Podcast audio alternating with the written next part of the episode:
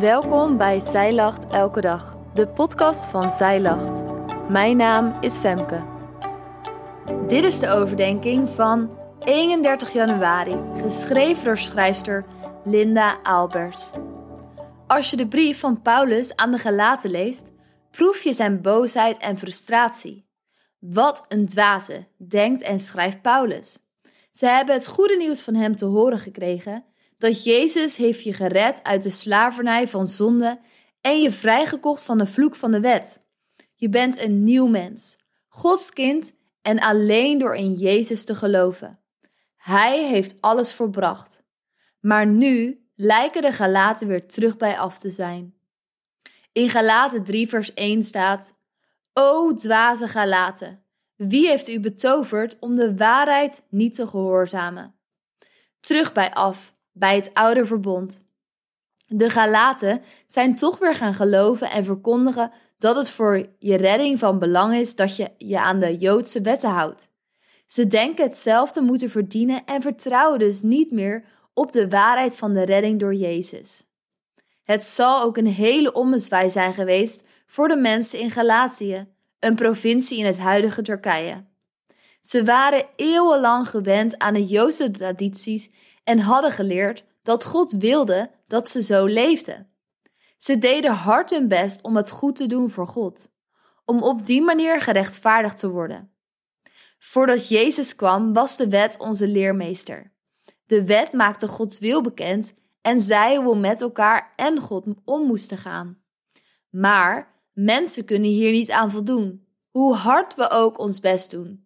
We kunnen uit onszelf niet tippen aan Gods grote heiligheid en volmaaktheid. We zaten gevangen in de wet, als slaven. In Galaten 3, vers 13 tot 14 staat: Christus heeft ons vrijgekocht van de vloek van de wet door voor ons een vloek te worden. Want er staat geschreven: Vervloekt is ieder die aan een hout hangt, opdat de zegen van Abraham in Christus Jezus tot de heidenen zou komen. En opdat wij de belofte van de geest zouden ontvangen door het geloof. Door Jezus offer zijn we geen slaven meer. We zijn bevrijd en zelfs tot Gods kinderen aangenomen, omdat onze bevrijding in Zijn Zoon Jezus is en wij in Hem zijn. We hebben nu een directe relatie met God, onze Vader. De Heilige Geest woont nu in ons en Hij laat ons beseffen dat we van Christus zijn. Hij bemoedigt en vertelt ons waar we van mogen getuigen. En Hij geeft ons de kracht en het verlangen om te doen wat God wil. God en elkaar liefhebben. Paulus vertelt dit allemaal in Galatië. Je wordt niet gered door je aan de wet te houden, maar door Jezus. Dat betekent voor de Galaten dat ze eerst door het stof moeten. Ze moeten beseffen dat al hun harde werken nooit genoeg zal zijn voor God. En daarna leren accepteren en erop vertrouwen dat Jezus de Zoon van God is, die dit puur uit liefde voor hen heeft gedaan, niet omdat ze dat verdienen.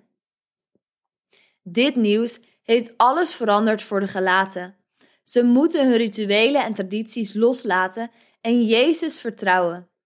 Ze ontvangen het nieuws enthousiast, maar dat verandert weer snel als er mensen komen die hen laten twijfelen over deze waarheid.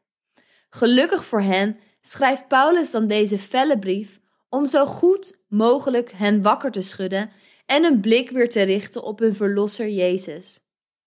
Het lijkt soms makkelijker te zijn om zelf te werken voor je redding. Te denken de controle te hebben over je eigen ziel en zaligheid in plaats van ontspannen te geloven dat iemand dit allemaal voor jou heeft gedaan. Klinkt dit bekend? Voor mij wel. Ik merk dat ik elke keer weer verwonderd ben over de grote genade van mijn God en zijn onvoorwaardelijke liefde voor mij. Ik kan of hoef zelf niets te doen om zijn liefde groter te maken. Zorg ervoor dat dit jouw waarheid blijft, zodat je niet opnieuw slaaf wordt je bent een vrij kind van God. Ontspan en geniet van dit grote geschenk. En dan als afsluiter in Galaten 3, vers 26, daar staat: Want u bent alle kinderen van God door het geloof in Christus Jezus. Op 14 februari start de 40 dagen tijd. In dit leesplan, Feest van Bevrijding, volg je de Israëlieten in hun reis door de woestijn van slavernij naar vrijheid. En je ontdekt samen met de eerste volgelingen van Jezus over het leven in Gods koninkrijk. Wil jij meer toeleven naar Pasen? Bestel dan dit 40 dagen tijd leesplan via onze webshop.